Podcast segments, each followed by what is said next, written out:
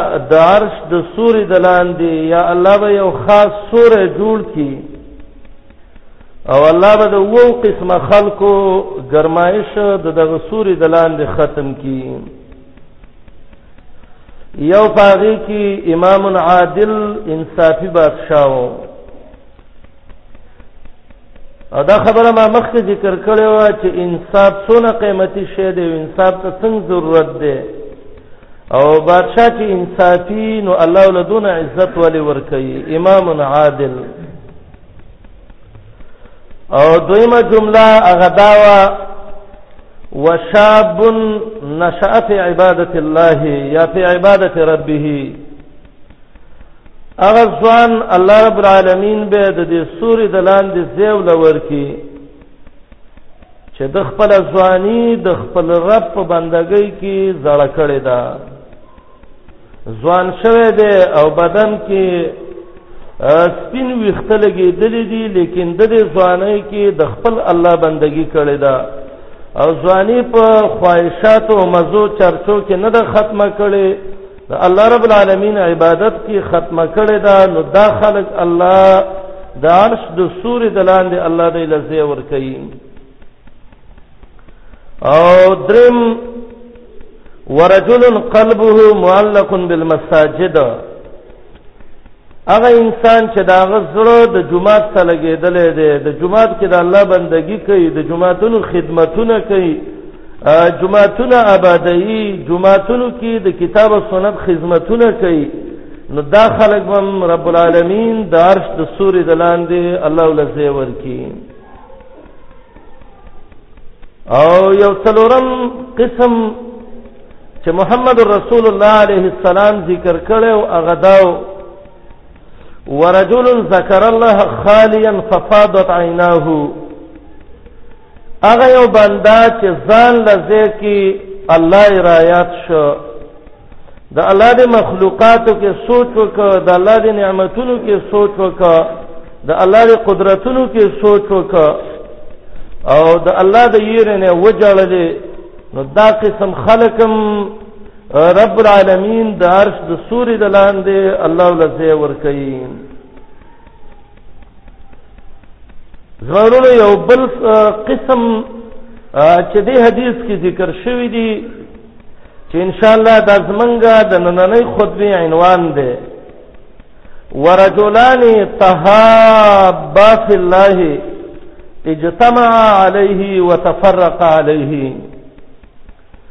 یو دو کسان چې دا غي د الله رب العالمین د پاره د یو بل سره محبت دی او دا محبت هم د الله په محبت جوړ شوی دی او د دې دا محبت هم د الله د پاره ختميږي دوستانه محبت جوړم د الله د پاره او دوستانه محبت د الله د پاره ختميږي دا خلق به رب العالمین د خپل سوري د لاندې الله بدایلا د گرمایش دفاعي اسباب الله برابر کی سبعه یظلهم الله فی ظله یوم لا ظل الا ظله نور سوري بنی د قیو سورې به الله به د دې د لاندې دا و قسمه خلق دلته ځکه د الله د پاره د یو چا سره محبت کول او د الله د پاره د یو چا سره دشمنی کول دا د ایمان یو مضبوطه کړی ده چې دې ته د الله د پاره محبت موي او دې ته د الله د پاره موالات موي او د الله د دشمنانو سره دشمنی کول او د یو چا سره تعلق ختمول د الله لپاره چې دیتا معادات موي او دیتا مسله د الولا والبرا مو لیکيږي او اسلام کې دا ډیره زیاته مهمه مسله ده تر دې چې بعض علما وایي چې د لا اله الا الله د کلمه کې د یو جز کې موالات ته او د دویم جز کې براءت ده د غیر الله نه براءت لا اله او د الا الله دې کې ولا او محبت د الله رب العالمین سره دغه کې مسائل یو درې ذهن ته لګي ضروری دي چې سړی و پیژني یو مسله را چې د الله سره محبت دیتا الحب لله وې د الله سره محبت او د رب العالمین د ذات سره محبت او د دې فواید او هغه اسباب چې هغه جالب دي سړی راکاږي د الله محبت ته ان شاء الله دا به موږ په درس د صاحب الایمان کې وو مجالس الایمان کوم درس چې شروع کړی دی لیکن دلته یو لوی خبره غدا ده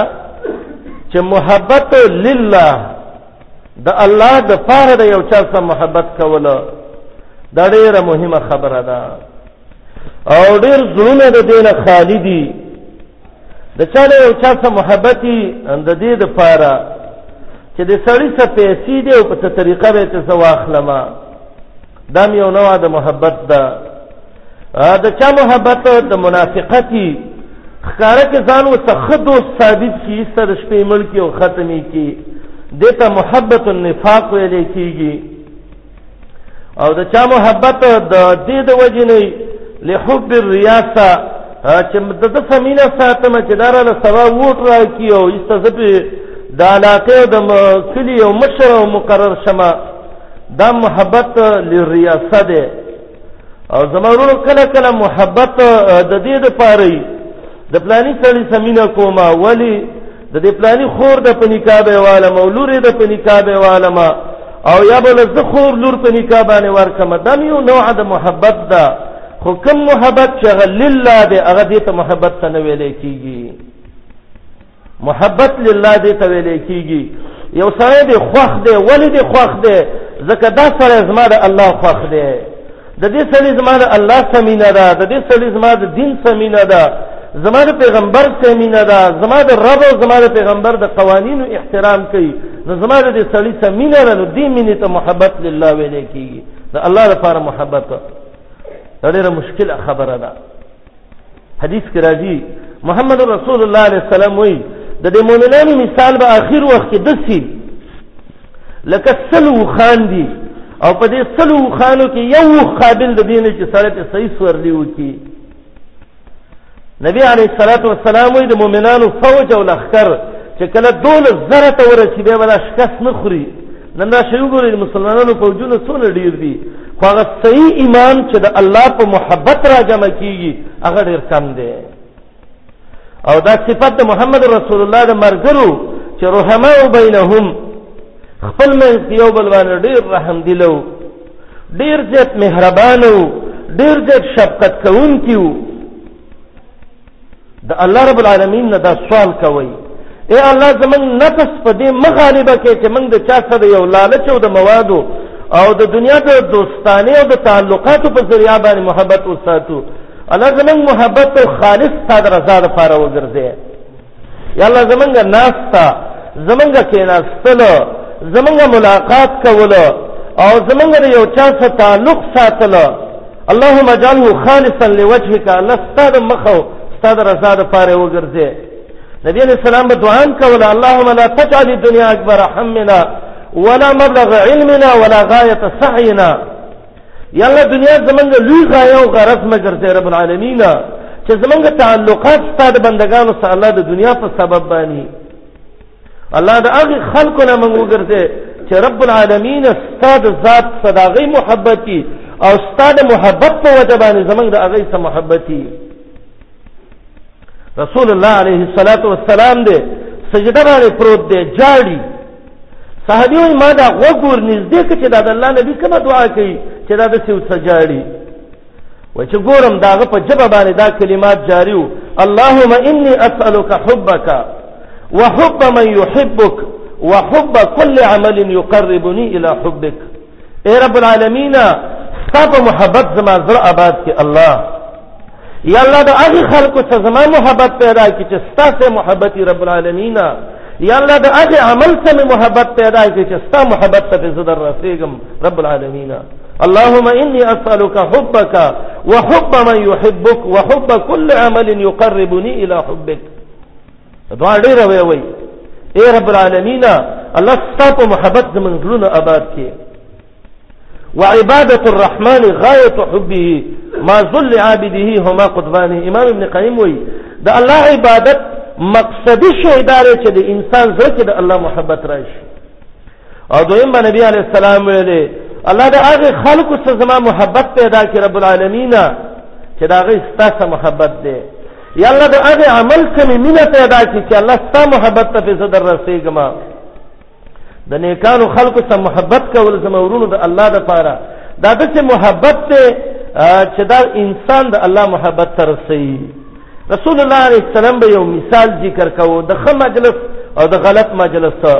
وای کله چې ته د لوار او د اینګر دکان ته ورشي نو الته به یا خود سی وشي چې ور بس کروټه راشي او ستا جامې به وچیږي او یا به لګی راشي د سترګې به ترخی کی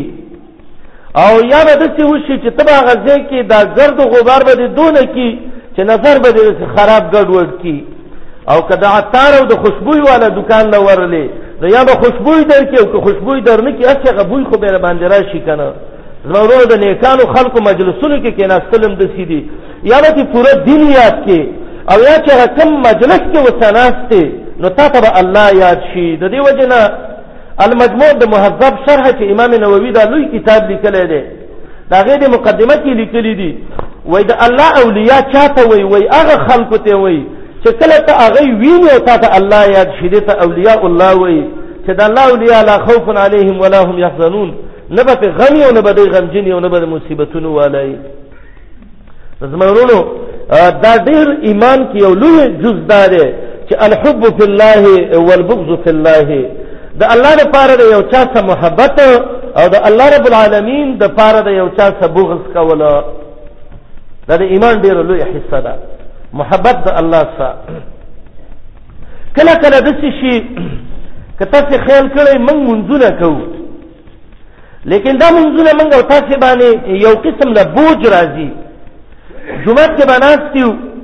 او زمونږ او تاسو به دا خېری کړي موږ او تاسو په سنټر جیل کې ځوړم شي وي چې دا پوزو د غوګون نه تړلی او قران ته باندې تیو دا څه به خپه نه تیو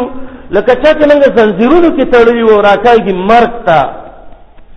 او کله به مونږ کې امام بل چې قرات لګ معمولی وګت کی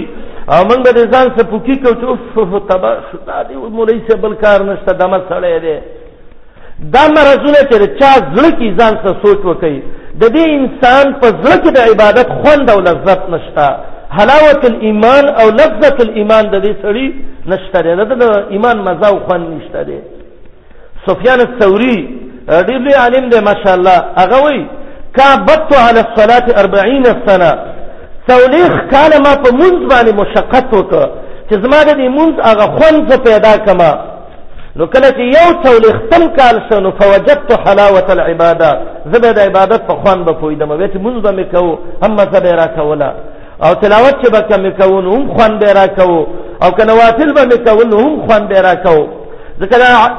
علما وایي دا عالم چې قرآن لولي قاري چې قرآن لولي او دا مؤمن پسې وروسته داسې وګرځېد او داسې خوشحاله او دا زړی لکه دا چې یو د میوو په یو باغ کې روان دی او د ګلونو په یو باغ کې دی نو دا سړی دې پوه شي چې د سړي ایمان مضبوط دی او کده د په دې زړه کې زیقت راغې او تنګواله راغې او دا یو چې دا به کله بس کې اوس دونه قصې جوړ کړه نو دا دې په دې پوښي کې د سړي د عبادت خوان نه دې تکله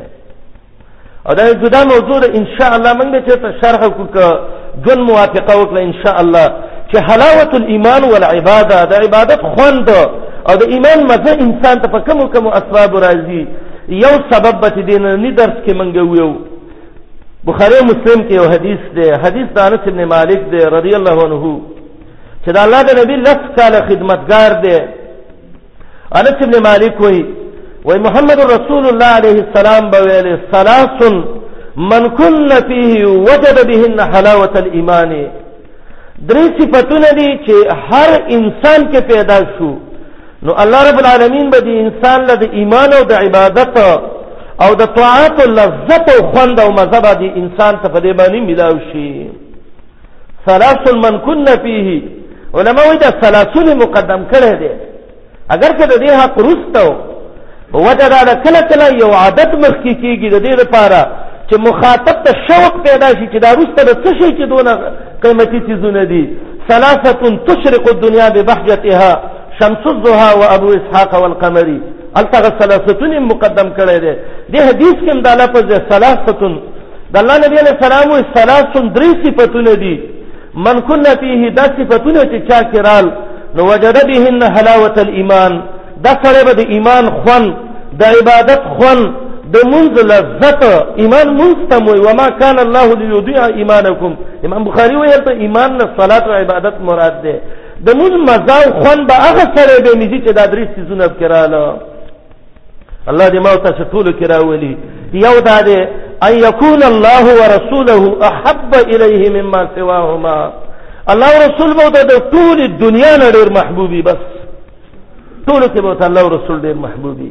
د الله حکم به ټول حکمونو مخ کی د رسول الله حکم به ټول باندې مخ کی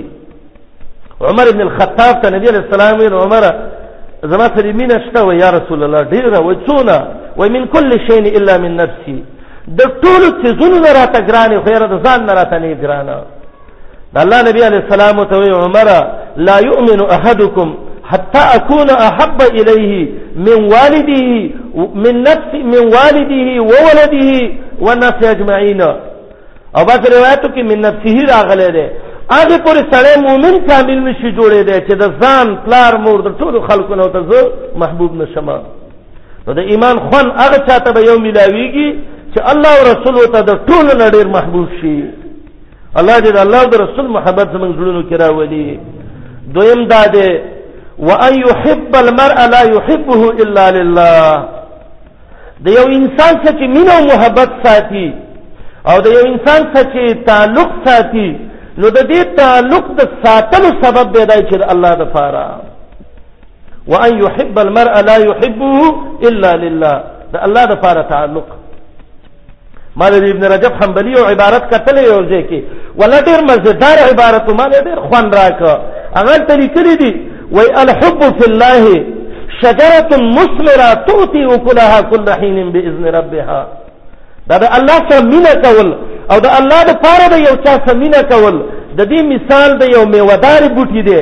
او داسې میوهدار بوټي چې هر وخت د دې میوه په بازار او په بوټي او بازار ارزه کې ملاويږي د الله لپاره محبت چې چا سوو دنیا کې به د عزت ژوند دي اخرت کې به د عزت دي قبر کې به د عزت دي او ان شاء الله دغه مرګري به الله قیامت کې گاونډیان وګرځي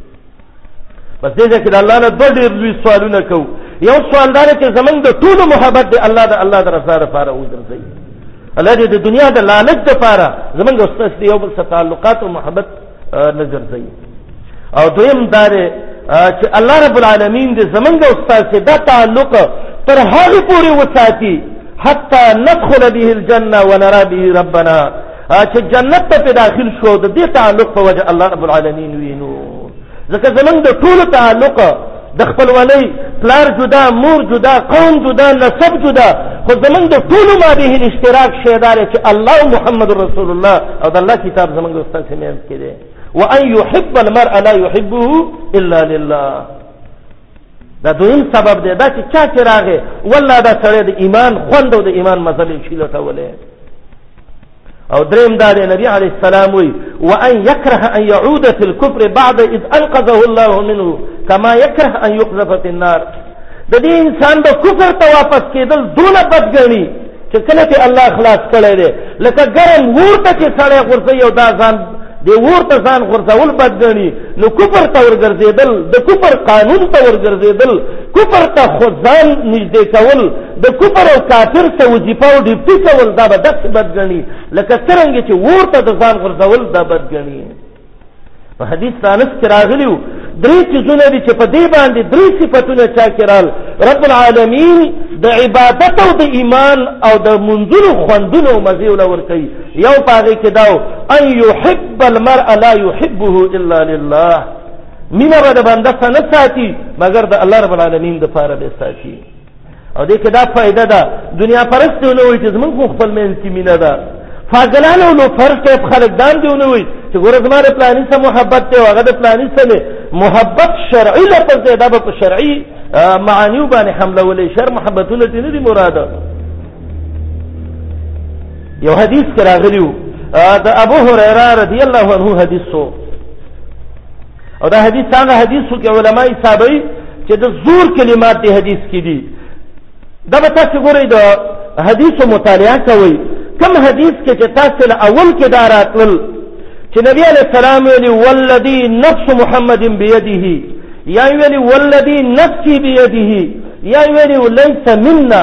دا جملې چې کوم حدیثو کې راتللې نو دا هغه حدیث چې دا د زور کلمات دي د دین نور اخو تاکیدی کلام نه یو ځل نبی علی السلام وی ابو هريره رضی الله عنه وی محمد رسول الله علیه السلام تقریر کو او خطبه کې مونږ ته ویل فوالذي نفس محمد بيده زماره په هغه الله قسمی چې د محمد رسول الله روح او ساده هغه په لاس کې ده فوالذي علماء دې ته وګورئ فاکم تاکید دی ولذي دی وو کم دی او دا نفس محمد بيدیه دام ډیر تاکیدی دی او صریح نوم د محمد رسول الله دا ټول مفید د تاکید دی مؤکد خبره جناب رسول الله علیه السلام کوي وي فوالذي نفس محمد بيدیه زما دې په هغه رب العالمین قسم چې د محمد رسول الله روح داغه په لاس کې دی لا تدخلون الجنه یا لا تدخلوا الجنه حتى تؤمنوا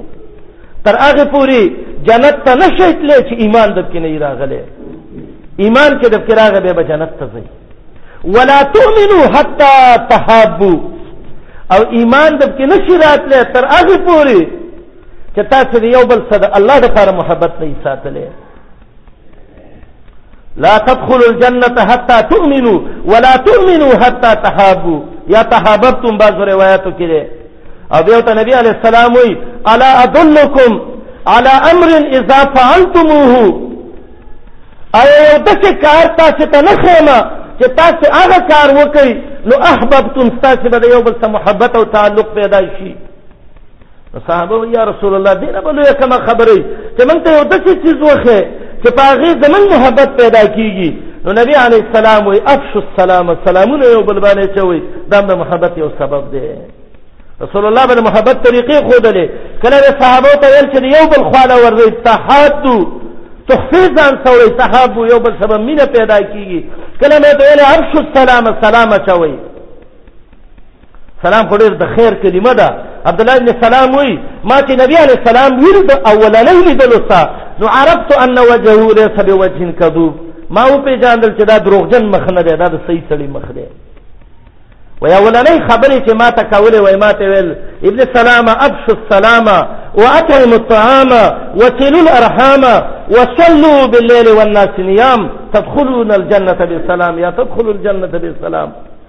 خپل منځ کې سلام اچوي غریبانانو له ډوړی ورکوي سل رحمی پالي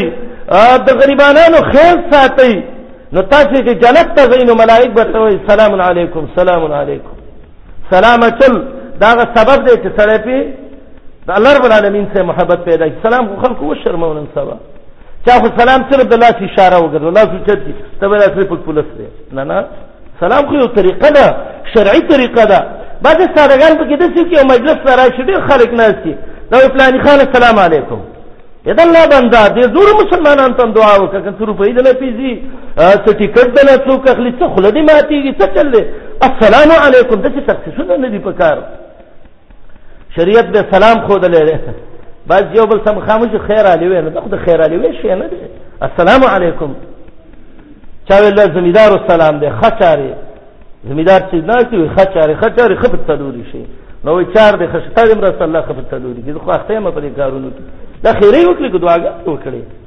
شریعت کې چې کوم الفاظ دي دا په شرعي الفاظو باندې وي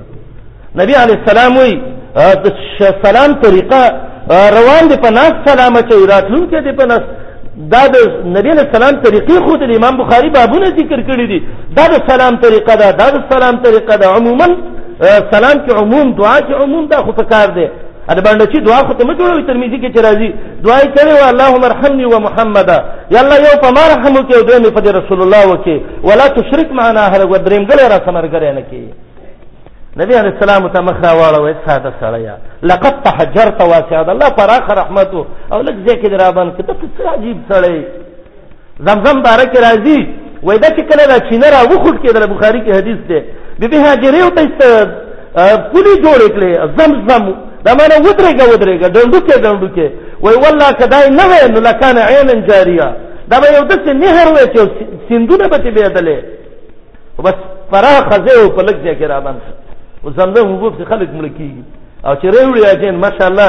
یو تاز کې دوبو یو به سینم کولر د نور ډکی کیو هغه چې زمزم خو خلکو ډیر سکلای کنه دا الله ډیر فراخ رحمت دې سلام عام دعا دا به نه دغه کوي نو حدیث ته دغه کې راغلی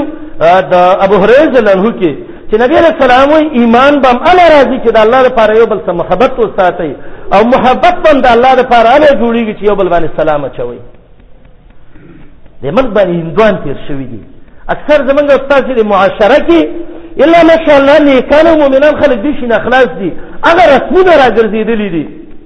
سړی په خځه سلام نه ځکه په خپل خځه سلام واچوم او خزه چې دا هغه سړی ته د بوستینګرتو پورې نوم نه بل سره نو کله ته ای وای نو د ای نه چې ته بی ته نشه بس مکه ای کې روان دي چې دا په کوم خطر رسیږي او چې ډیره سره ورته د وړو پلار وته وای نه نه اسلامي طریقه خو یاد کړئ سړی به په خزه سلامت او خزه به خپل خاون سلامت شي پردو خزوان به سلامونه نه چې شرانه غینه منه شوی ده به ځکه د نور فتنې به جوړیږي زنانه کمرې ته راځي سلام وکړي دا خو دعا ده او سړی له کمرې ته راغی ناسې بوټ سوټ دې نه رانوځي السلام علیکم ورحمت الله دا خو دعا ده اسلامي طریقه باندې دعا دې باید چې سړی ووایي د الله او د رسول په طریقو کې ډېر زیات خیر دی بعضې دا وایي یاره په دې ډېر فخر کوي زمونږ اسلام د شفقت او د دعاګانو اسلام دی یره دا پلانې ډیر به حیا دی ولی به حیا دی ګوره و پلار او مور نه چې خپل بچي غي کراوه ته څونه به حیا یې وکړه ساده سړی دا خو د الله یو شفقت دی او رحمت دی ستاسو نه الله یستله د الله نبی علی السلام حسن او حسین غي کې نیولیو یو باندې چې لراغه ځما بچي لاسو تر رسیدلی ما یو نه دی راغستو او سره دوه لسی دی او سنیغ نیغ کوي رسول الله عليه السلام ته دا خو رحمت دی الله زما زړه کې اچلې او ستاسو غي نه استلې نو زستا په زړه ته وکم چې الله ته دا رحمت استلې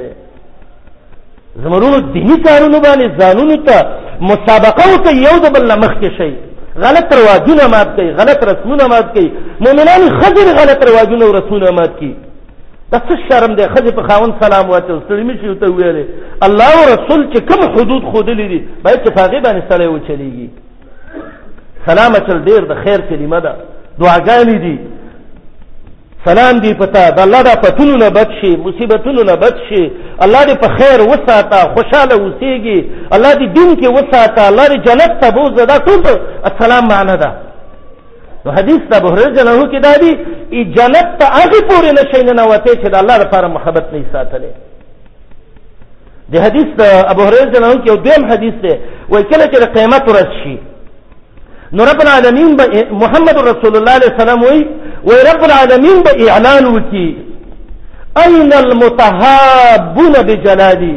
یو حدیث د معاذ ابن جبل دی هغه کې متهابون فی جلالی دی او دی حدیث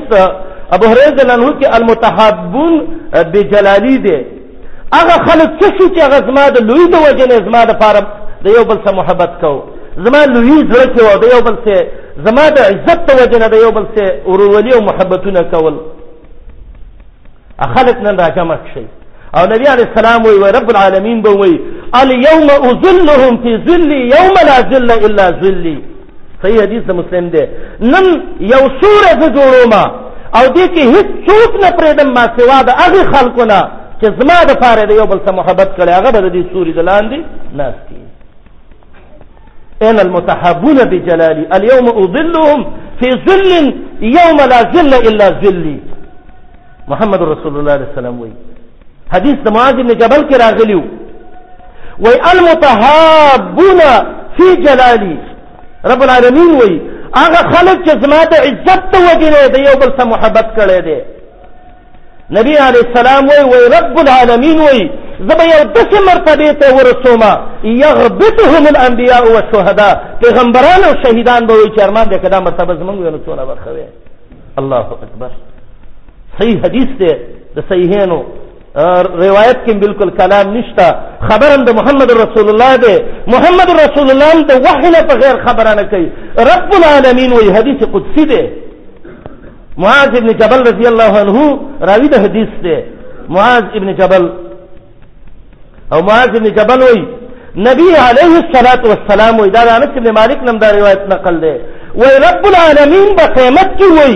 زما د په خپل جلال قسمی هغه خلک چې زما په محبت باندې راجمع شوي دي نن ولا یو داسې مرتبه ورکوم یغبطهم الشهداء والانبیاء انبیاء او شهدا چې پیغمبران او شهیدان به دې څه پسخیږي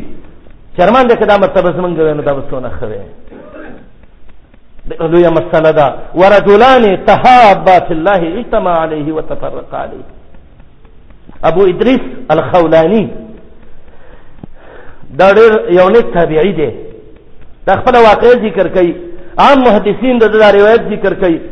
وای زه یو ځل د دمشق مسجد ته رالم او کله چې زه مسجد دمشق ته رالم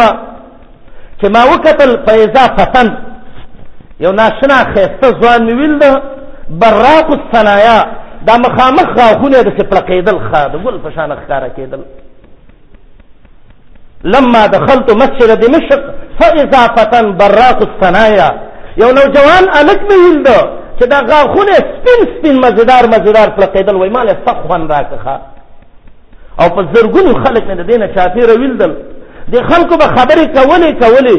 کله چې یو مسله کې به شک شو نو دله به رال نو د ده نه به یې تپوس وکړو څه من سره پو بیا به واپس شو وایي ما تپوس وکړو چې هلکه دا ښایسته ښکلی هلک څوک دی دا دلته ناست دی وای خلکو راته ویل چې والله هذا معاذ بن جبل دا معاذ بن جبل رضی الله عنه دی عمر رضی الله عنه ویلو د معاذ بارکه عاجزت النساء ان تلد مثل معاذ د دنیا خدي عاجز شوی دی چې د معاذ ابن جبل په شان بچی راوړي عاجزت النساء ان تلد مثل معاذ او صحابه کنا نشبهه بداود من ګوند د زمنګ د زمانه داوود علیه السلام دی ناشنا سره ماشاء الله وای زه رالم خو رس ډېر و ورځ راته میلاو نه شوه ما دغه وای ابو ادریس الخولاني وای ما چې سبا به ستا غرمه کې وختي راشم نو چې راشم نو دا به ځان له ناست کي فحجرتو سبا غرمه کې رالم چې مې وکته نو بس فقط سبقني غالک زمانه را مخکې شوی و فوجدته يصلي ما چې ومنت منځ کو ولاړم ولاړم ماشاء الله غو به منظم کو چې د الله پیغمبر شاګردانی دا غو به څونه خسته منځي یا الله وای کله چې سلام وګرځاو فسلمت عليه ما ته سلام واچو مخ ته رالم فوجهت امامه مخ لو لرالم فسلمت عليه سلام می په واچو وای دا تکیناستم وای ما ته څنګه راغلی وروره وای ما ته ویل چې والله انی لاحبک زماره په الله قسمی زماره باندې استر کې ډېر خوږې شوې او ډېر ښه عالم او د محمد رسول الله شاګرد زراسته د الله لپاره محبت دی معاذ ابن جبل وای وای دې سړی وای ما ته ویل چې الله ستاره پر رب قسمی چې ستاره الله لپاره ما سره محبت دی وای ما ته ویل چې الله و دې راته ویل الله استبهام دی رښتیا ستاسو الله لپاره ما سره محبت دی وای مال چې الله یو کې قصر دی یو کې استبهام دی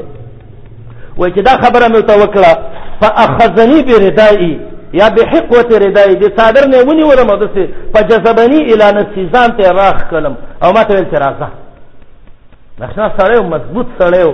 وای ما ته ویل چې ابشر ستا چې رښتیا زما سره د الله لپاره محبت دی نو ابشر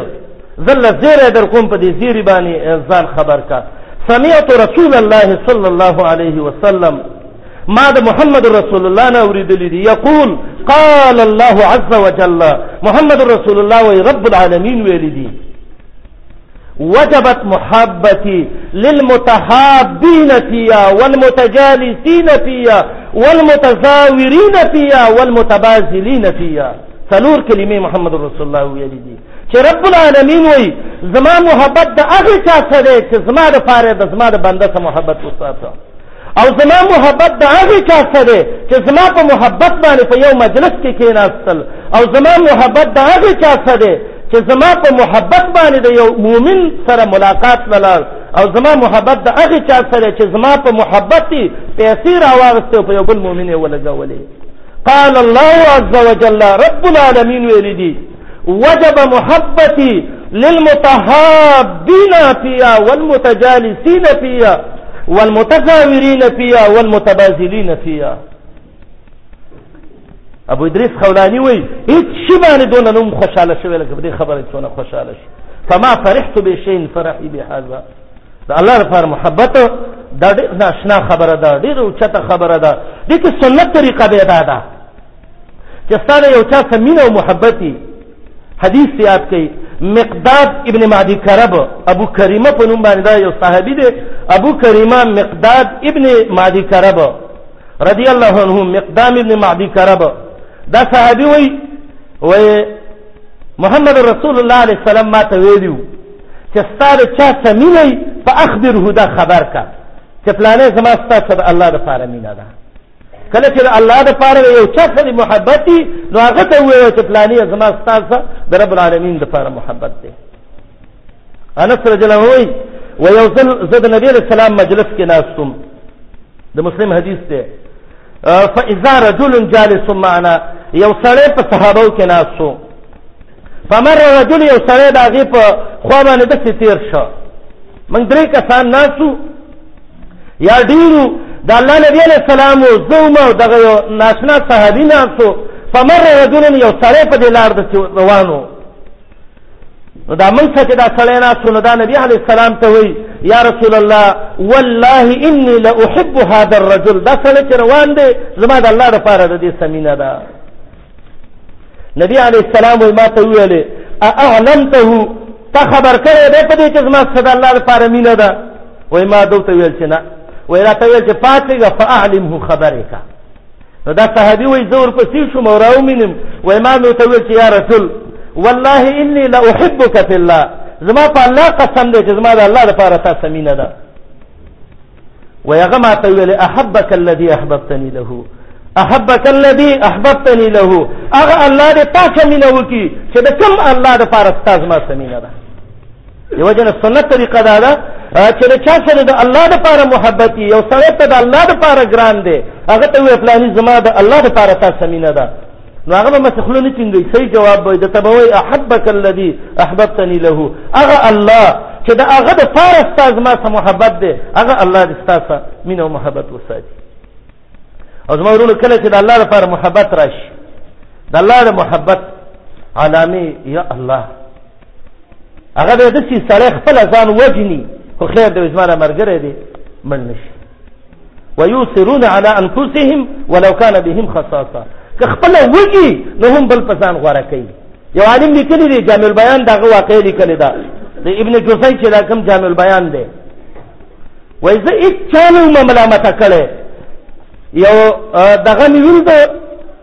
د بلخ یو سړی مې ویل دی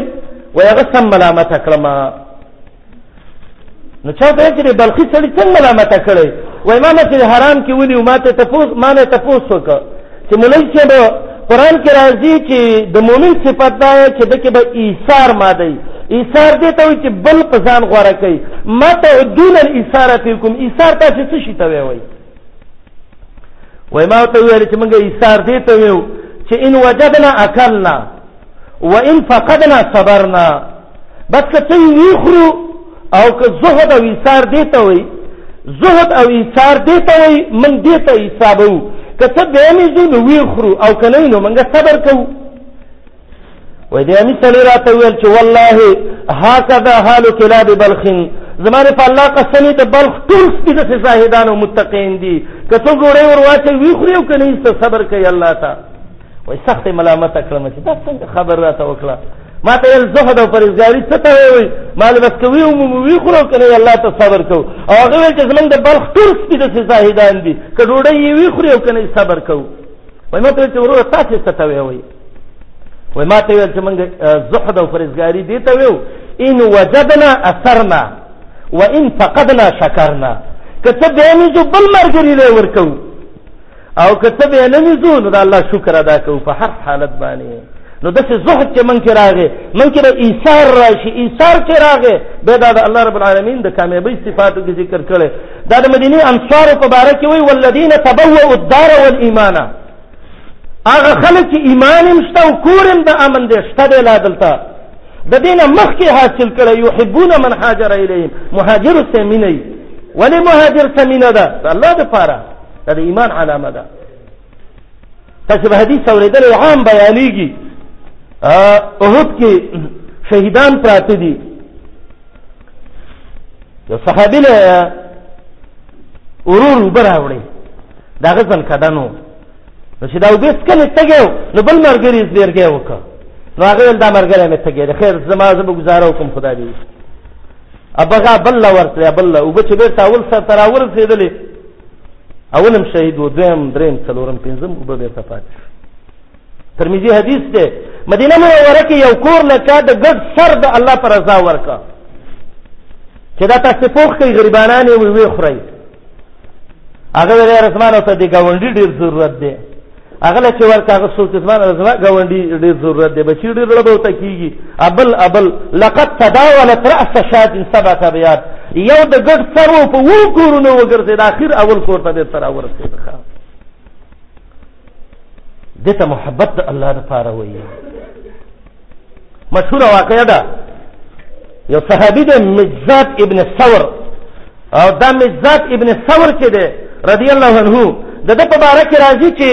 اسد الله د الله ازمره ده د محمد رسول الله د شاګردانو کې یو ازمره صحابي ده مزاد ابن ثور الکمی البطل مضبوط ځان به د تویل قادسیه جنگ وشو مشهور جنگ د عمر ابن الخطاب زمانہ کې مجزات ابن ثور هغه علاقه کې چې علاقه کې د عمر ابن الخطاب د طرف نه والی او گورنر ابو موسی اشعری رضی الله عنه دا ډېر یو د ایمان د جوړېدو واقعیا ده د صحابه غوږی خېده چې موږ ته به کم وخت کې امیر المؤمنین اعلان کوي چې تاسو په تستر خار باندې ورشئ او د هرمزان نه را ملک ونیسئ هرمزان ډیر لوی یو زړور سړی او علما ذکر کوي چې د تستر خار چې دی نو په دنیا کې دغه خسته قلعه چې تستر کمه جوړه کړې و دا کم ملکو نو داسې خار چېرته تاریخ کې نه و چې داسې ښایسته به جوړ شوی عمر رضی الله عنه خط لیکه چې ابو موسی شری د لخر د جمع کا ورشه تستر باندې حمله وکړي او هرمزان مړ کړي هغه چې وکتل لخر کې څلور جماعتونه جوړ کړ میسرۃ الجیش د چپ طرف باندې ولا مزات ابن ثور مقرر کړ وتویل ته د دې میسرۃ الجیش امیر شر مجاهدینو او کله چې ورلل نو د دې باره کې راځي چې تقریبا بعض روایتو کې سل راځي او بعض روایتو کې اتلس راځي چې دای ته دونه خرونه ونیول خو اخیرانه چې کله د تستر د خار ته ورنوتل نو د هرمزان یو لوی قلاوه او دا غینه چافیره یو دته خندق جوړ کړو چې هغه کې ور بل کړو او دا خلک په کیو په دې طریقه باندې جنگ کې د خو هیڅ قسم د رساندګي او تنس کېده او دا قلعه چې واده د تستر کلی کې شازورانی او ته یو بعض روایتو کې راځي دای په یو چت ځای باندې جوړه کړې و او دینه تقریبا په 3 کیلومترۍ کې پټ یو سین وبراوستې وي او دلته راخاره شوی وي دته هیڅ قسم لار نه و د ورتګو صحابه هم شهیدان کړو او تقریبا ډېرې حملې په وکړې خو د تستر د خار نه فتح کېده دا ځای الله رب العالمین مؤمنانو ته کله دغه کوي الله دې را کولاوي ابو موسی اشعری دی ولال چې ګوري د کافر د طرف نه یو غش راغې او دا غش په دې سر کې یو خط لیکل او د مخې سره وغورځېده اتلسمه ورځ باندې نو خط کې لیکلی و چې زه یو د فارس یو هلک یم او هرمزان زما ورور وجلی او ما ته هم بد بد ګوري او ما هم وجني او دغه به وکړو که تاسې ما له امن راکوئ زه به څه طریقه در وځم او تاسو ته به لار وښیم او تاسو به د تستر ښار او دا شازوران قلا چې هرمزان پکې دی دا به تاسو فتح کوي بس دلته بیرته زر خط ولیکه وروه ته په غشي وایي صحیح ده هغه ته بیرته دویم ځل خط راوارده زه د شپې د روزمه نیمه شپه د سړی راووته ورته ویل تاسو ته لار نه ده معلومه ما ته نن یو هلک ولېږئ داسې یو هلک چې هغه اوس د دې مړ شم که مړ شي هم خیر دی خو چې د سر نه تیر ځواني او لامبو ځني لامبو مو ته یادې مجاهدینو ته به چې لامبو مې یادوي نو داسې سړی وګورئ داسې هلک موږ نه وګورئ نو زه به ته یو لار وښیم هغه دا دی چې دې قلعې ته چې دا خلک پکې تاسې محاصره کړي دي د پنځه یا د څلور میله نه اخوا یو پټ سیند راغلی دی او په هغه کې به ور ودانګي او دلته به راوځي یو صحابي ته ویل هغه یو ویل منځو مزات ابن ثور وته وی زما بدن د ټوټي ټوټي شي د الله لپاره چې زما مرګره زخمی نشي زبلار سم دا خیر دی زه د مور شم خو چې مرګره مې مړ نشي او دا ډېره لویه قرباني ده چې سړی خیر دی ته به بچ شو په ما دا ګولۍ ولېږي اچ ورغه ابو موسی شری له ته ویل زی خو زی خو دته ور درې نصیحت کوم یو دا چې کتا په یو چا وسور سره موجه نه بیان موږ له بیرته خبر راوړي او دین ته دا ویل چې د الله نه مدد غواړه او درې نه ته دا ویل چې زی خو زی خدای الله د حدود خیال وساته چې د الله حدود دنه خراب نشي دا صحابي وای مزاد وای چې ما ور ودانګلې دي سین ته د مرګره مخ کیو او زه ور پسیو مولا شپه مکه چې شروع ده نو پاو کم درې غنټې کې منګه په لامبو راووتو او د خلاصه او چې ما وکتل زه چې کم ځای ته راووتم نو هرمزان زما د لاس لاندې او کما ته گزار کولې وجلې مم شو خو ما ته د ابو حسین شریک خبره یاد و چې امیر ویلي چې سبا وته نه وي لار مې صحیح کړه او ما ته ویل چې زاوس شپګنیمو یا وو ګنټو کې زبیره وتم ځکه مخبره وګو کې تګ ډېر ګران دی او جموع تیار کړ ډېر ناکاره سینو پاره کې وتل او دای پټ راځتل او پکې ابو موسی شری رضی الله عنه درې سوه کسان ولېږل چې ورشئ مجزات ابن ثور به ستاسې مشري او د هغې ځای نه به راودانګئ او راځئ به داسې ښکته او د الله حمد به ووایه ورځئ به او چې کله ورسېدئ نو چې څوک مخې له هغه ته ولئ خو دروازې ته چې راورسېدئ او دروازه هم کولاو کړه نو د الله اکبر چغه به وکړئ نو چې نور مؤمنان درشي اچھا ته لامبوم سمه نه ویا ده لنډه دا ده مزات ابن ثور ته ویل ته امیر شه او کله چې مزات ابن ثور رضی الله عنه راووته او د قلعې ته ورورسېد مرګري وشمارل دوه سوه شل کسان د دی نه اوبه وړي شهیدان کړي اتیا په دې کې پاتې وو او ویل چې بس دا د الله یو فیصله ده او قدر الله ما شاء فعل ما شاء الله کان وما لم یشاء لم یکن او الله دې زمون د اتیاو کې دغه درې سوه والا قوت پیدا کړي او جنگ شروع ک او کله چې جنگ شروع ک قلعه کلاو کړ د الله اکبر چې شروع کړي او د هرمزان سره د تور لاندې کوله ټوټه ټوټه دې ته محبت د الله د پاره وای یو چا صد الله د پاره محبت هغه ده زما سر دې ټوټه ټوټه شي خو خیر دې چې زما بل مرګره بچي او داسې دا مرګرتې نه وي پلانې ته زما ورور ملا دې ماته شه ختم شه ورکې که خو زه بد شم زما بچی دې خې تا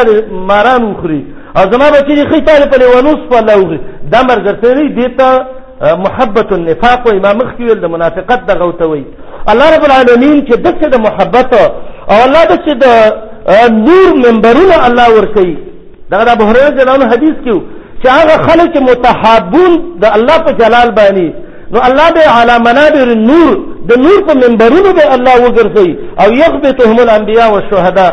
انبیاء او شهیدان به دې څه کوي غفته کوي نو دې حدیث ابو هريره رضی الله عنه کې چې نبی علی السلام ویل چې و خلق دي یذلهم الله فی ظله الله به خپل سوري کې داخل کی یو پکې هغه دی هغه دوه کسان چې د الله لپاره محبتي دا دوستانم د الله لپاره یو به ورانی دلم د الله رب العالمین د لپاره یي الله دې زمونږ استاد د الله لپاره محبت جوړ کړي مسلم کې یو حدیث ته مخکینو امتونو کې یو سړی او روانو یو کلی ته چا ته سب څه زی وای زه دې لازم چې دلته یو سړی دی احبه لله د الله لپاره مې سمینه ده وای فارسل الله له ملکا الله یو ملک ته ویلې یو پرشته ته ویل چې تب سوار شو دې سړی ته خبره وکا چې دا ته د چا د لپاره محبت کوي نو هغه ستاسو محبت کوي چې الله رب العالمین دی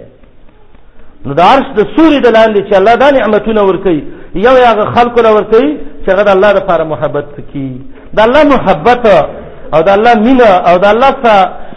تعلق جوړول او د الله لپاره تعلق جوړول دا ټول ایمان غواړي زما ورونو د دې وجه نه د ایمان یوه شعبه او یوه څانګه د ایمان دا ده چې الحب لله والبغض لله د چا سره چې محبت کې هم د الله لپاره به کې او د چا سره چې بغض کې هم د الله لپاره به کې مجالس الایمان کې کېناستل پکاري دا د ایمان کوم مجلسونه چې موږ شروع کړی دلته هر اتوار پر ورځ مازیګر نه روستا حاضری کوي دا الله بندگان د خپل ایمان نه خبر شو چې دا ایمان په کومه طریقه به موږ مخ کې بوزو موږ تاسو خو دونه سوچ نه کوو چې چاره ته وېلې چې د یو معمولی وانه دا په دې ور ودانګو د الله د پاره پورې وسفي ولاکه موږ یو ځان را بچ کول پکار دي لیکن دغه صحابه چې زړونو کې ایمانو چې په درې سوه کې دوه سوه اتیا کې اوبه وړي لامبوزن صحابه او شپږ او څلور ګنټې په اوبو کې مزل کوي د ایمان غواړي مجالس سلیمان کې شرکت کوي تور پر ورځ درس دلته او د دین نه به موږ تاسو نه مړیږو لن یشبع المؤمن من خیر یسمع مؤمن به چرې د الله د دین د خبرې نه موږ خو په خلی وای مؤمنان یو مؤمن د خپل ایمان په جاندل غواړي چې نو به کنه د خیره سه ان شاء الله الله دې زما ایمان هم صحیح کړي او ستاسو دې الله ایمانونه صحیح کړي او الله دې زما او ستاسو د ټولو محبت د الله لپاره وګرځي که شیطان نورې وسوسې د هر چا ذهن ته اچوي الله دې هغه په بل طرف زایل کړي او الله دې زمونږ او ستاسو د دې حدیث مصداق وګرځي ورجلان تحابا في الله اجتمع عليه وتفرق عليه اقول قولي هذا واستغفر الله لي ولكم د ملاوي دو پتا مهروي